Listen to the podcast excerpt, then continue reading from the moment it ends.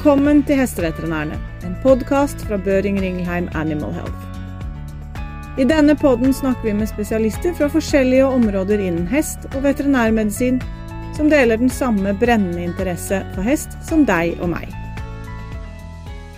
Hei og velkommen til Hesteveterinærene, podden for deg som er veterinær eller dyrepleier og som jobber med hest. I vårt siste avsnitt med Janni Spanner forteller hun litt om hvordan man kan gå fram for å redde eggstokkene og gjennomføre en Osite pickup på en hoppe som er avlivet. Vi prater også litt om hvordan man som veterinær med fokus på reproduksjon kan lære mer om embryotransfer og Osite pickup, og hvilke råd en kan gi til hesteeiere som er interessert i dette.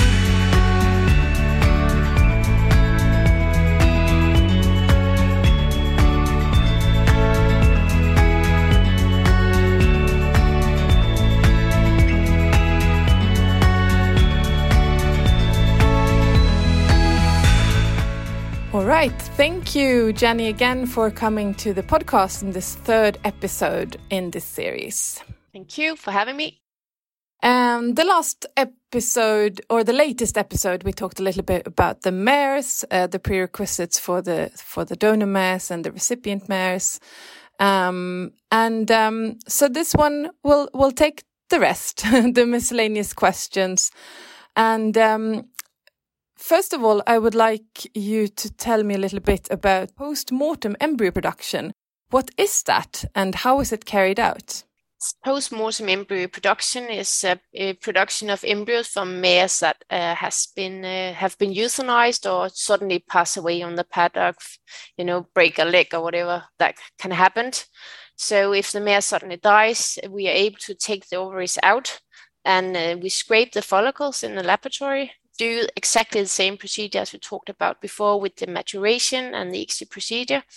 And then we're able to produce uh, blastocysts for some of these mares.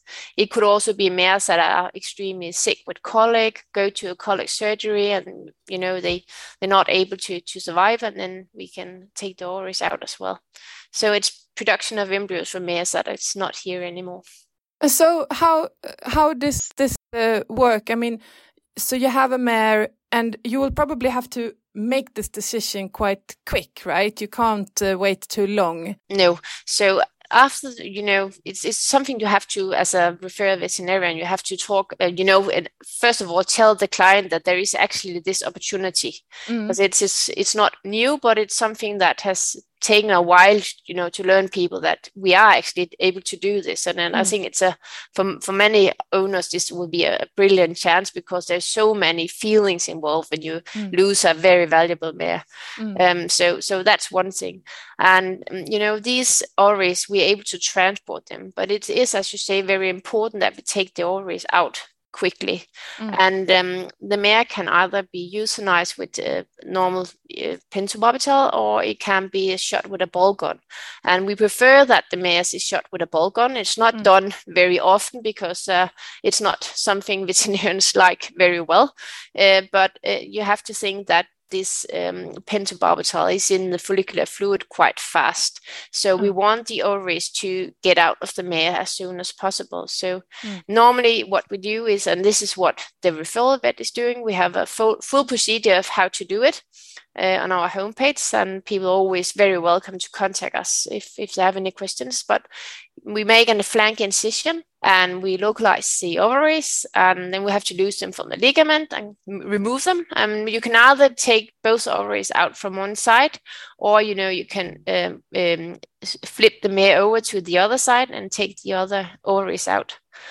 And then it's very important that you uh, you know you you clean the ovaries. It's, always a lot of dust and blood and everything else when you do this. So you have to clean them very thoroughly with um, pre-warmed sterile physiological fluid could be ringer or something else and it has to be a certain temperature around 35 degrees uh, so it doesn't get too cold for the oocytes and then people just put them into a rectal glove uh, with a small amount of, uh, of, uh, of, fluid inside. And again, it has to be sterile and physiological.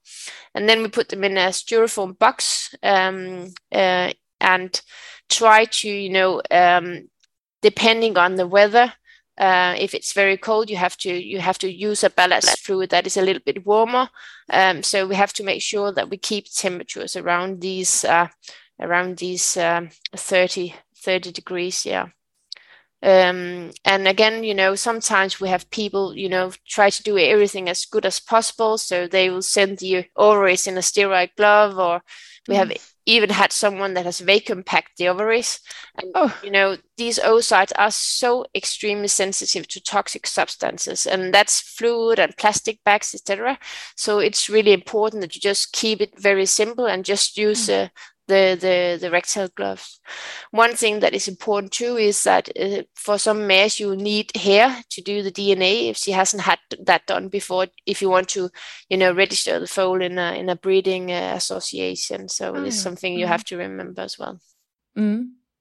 Is it something that you would say is done a lot?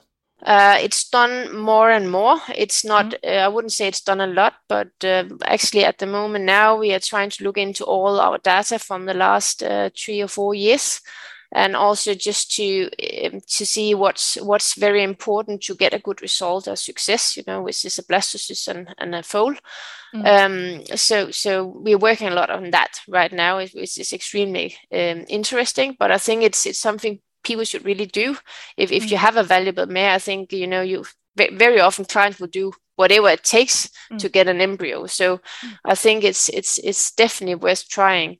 And of course, we I can't really tell you the the correct answer yet because I haven't haven't uh, gone, got all my results yet. But uh, it's of course it depends on what has the mare been through you know has he been mm. extremely toxic after colic surgery you know how sick is he um, how, for a long time has she been sick or is it just just uh, like a fracture on mm. the paddock which is uh, non you know she wouldn't be that affected about that she would be in pain of course yeah but she's not intoxicated or anything like that mm. which mm. can affect the quality of the oocytes but I would say, on the other hand, we have had mares that has been extremely sick, and they will produce embryos anyway and you know mm. it's it's always it's, it's, there's so many feelings involved and it's, it's such a, like a great happiness to get a foal after a mare that actually passed away mm. uh, so so um, i think it's something that people should should start uh, thinking more about and also for the referral vet be aware that it's actually a chance that you can get a foal and, and inform the owner about that opportunity mm something to consider then if you have a mare that is valuable or you care a lot for. Yeah, but exactly. um, how far can these be transported? Again, if we uh, think that we are in northern Sweden or Norway, could we send the the ovaries to you? How how long maximum? They can be sent, but of course, you know, the the longer the transport, the the lower the chance of getting a blastocyst in the end. So as fast as you can, you should you should you know I would even say drive from north part of Sweden instead of uh, you know waiting for a plane or something like mm. that. So as fast as possible, uh, you know, and um, in Denmark, because of the size of the country, the, the transport time will be less than five or six hours very often, because and they they tolerate that fine. But again, it's really important that you follow the instructions and make sure that you actually transport them uh, at the right temperature. You don't want it to be too warm because mm. then the oocyte would just, even though they, the mare is dead, they'll just continue developing inside the follicle. And you, you know, you want them to be in a kind of arrest. So you have to cool mm. them a little bit down when it's a mm. longer transport. Uh, but that is something we, we are very happy to help with if, if, if the chance is there. Mm. Interesting.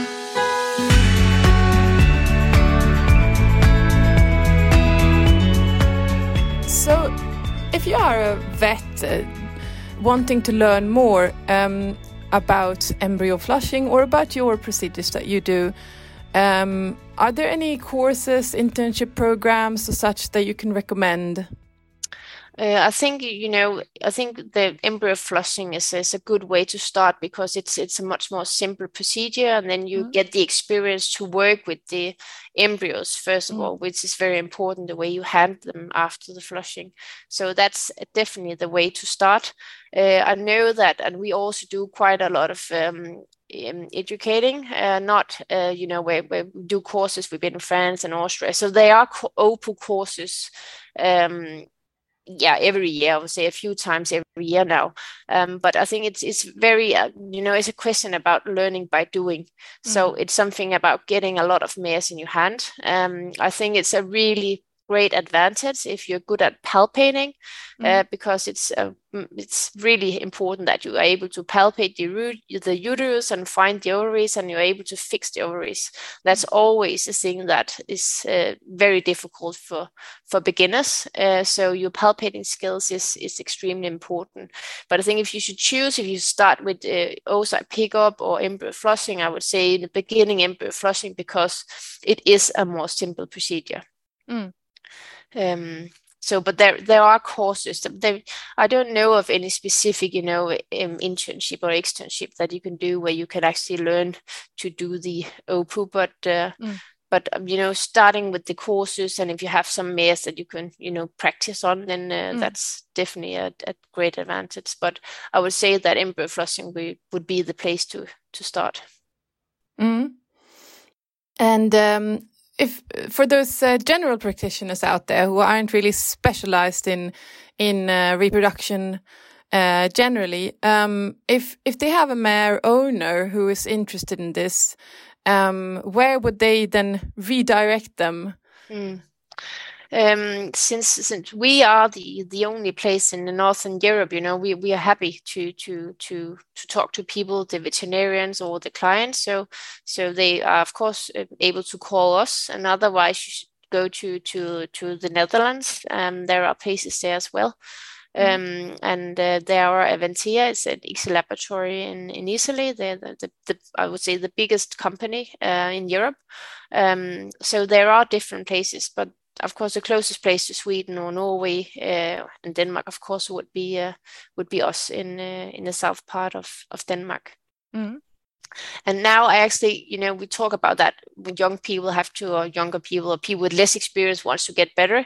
A way to start is actually also, you know, if, if you have mares that that has passed away, if, if you're allowed to take the ovaries out and sit and do the, the scraping of the ovaries. So instead of sending the whole ovaries, it would be great if, if you yourself, you know, could sit and scrape the follicular wall and find the oocytes and mm. send the oocytes. That's a great advantage compared to sending a whole, uh, like the whole ovary. Mm. Uh, so so then you'll just put them in holding media, and as soon as just if you just get them the day after, then everything is fine. So this is definitely a way to start. Um, and you know, every time we do open courses, there's always a session about how to scrape the ovaries. So mm. so I think that's really important. And and you know, it's it's it's a kind of work that it's important. You know, if you're going to do the scraping, it's really important that you do it correctly. If I'm going to to make a success in the end in, uh, with the ICSI. So mm. all the different steps are are really important. Yeah. So this is something where you can also start, you know, then you start to learn how to handle the oocytes and, and stuff yeah. like that. That's a good uh, good tip. So now we talked a lot about how how uh, specific all these procedures are, and it sounds very advanced and high tech. Uh, I understand that uh, there must be uh, a cost to this, of course. How much uh, would a mare owner be required to to uh, pay for such procedures? Yes. So normally we talk about two. Um, two ex- or we talk about two examples. So there is one example where you do the OPU and the ICSI, and you don't get an embryo. So so the, the, the money you risk is around 1400 euros Okay. Um, and if we compare with a session that gives eight one embryo, then the price would be um, 1800 euros. So normally we charge per per vitrified embryo. So it's of course it's more expensive to get nine embryos compared to getting one or two embryos. But um, people always ask, you know, what what is my risk? So the risk would be mm. these 1400 euros.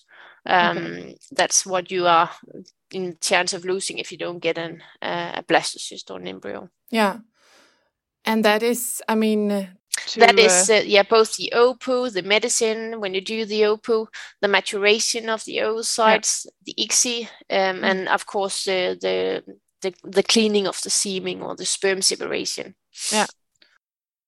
So you know all our prices are you know you can find them on our homepage vetembryo.com. Mm um, yeah, and and we have different examples, so you can see what you what you have to have to pay for it. Yeah, it's very it's transparent, and uh, you know that you will what you will risk. That's exactly important. very important. Yeah. So um, and I guess also that was uh, sort of the answer to my to my next question. If if uh, anyone who listens to this want to get in contact with you, I guess it's through the webpage then.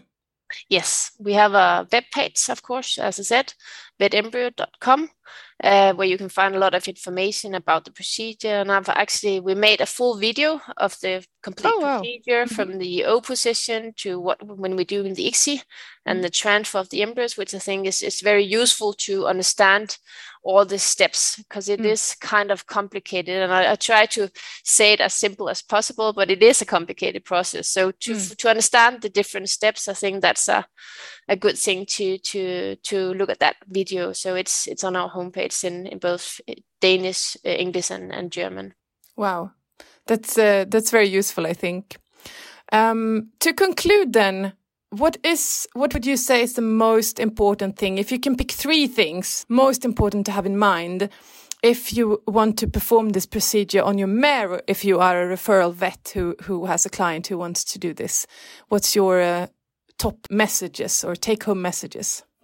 Um, i think you know yeah, put it very simply in three things. That's difficult, but the number of follicles is, of mm. course, extremely relevant. So the mare mm. has to be producing follicles, uh, that will increase the success rate. And also, a second thing is that, you know, if sometimes we have mares that have been extremely difficult to, to get in foal mm. uh, for, for years and years and years, and then people come with an expectation that, you know, we can easily produce four, five, or six embryos. And, you know, that's not always the case. So I think it's very important to talk these things through with the owner so that we have the same expectations mm. that the owner would actually get happy if, if we produce one embryo mm. and, and not get too disappointed because it's not three or four embryos. So mm. expectation is, is, is really important as well. Um, I think these two things are, are very important. And of course, also, you know, the mare has to be in a good general condition. So we yeah. don't, you know, getting these very old mares that that has not, you know, very skinny and bad condition, mm. bad teeth, uh, you know, it's it's really important that the mare is, is is is looking good and she is bright and happy, and I mm. think that's important for for the success rate. So feeding the mares correctly is is uh, important, and just making sure that she's uh, she's feeling comfortable. Hmm. That's a good conclusion. Thank you for that. Um, and thank you so much for talking to us today at Boehringer Ingelheim. It was very interesting to listen to to uh, your experiences and and um, about your work. Thank you so much. Well, thank you for the invitation. I'm I'm really happy to to be here and share my experience. Yeah.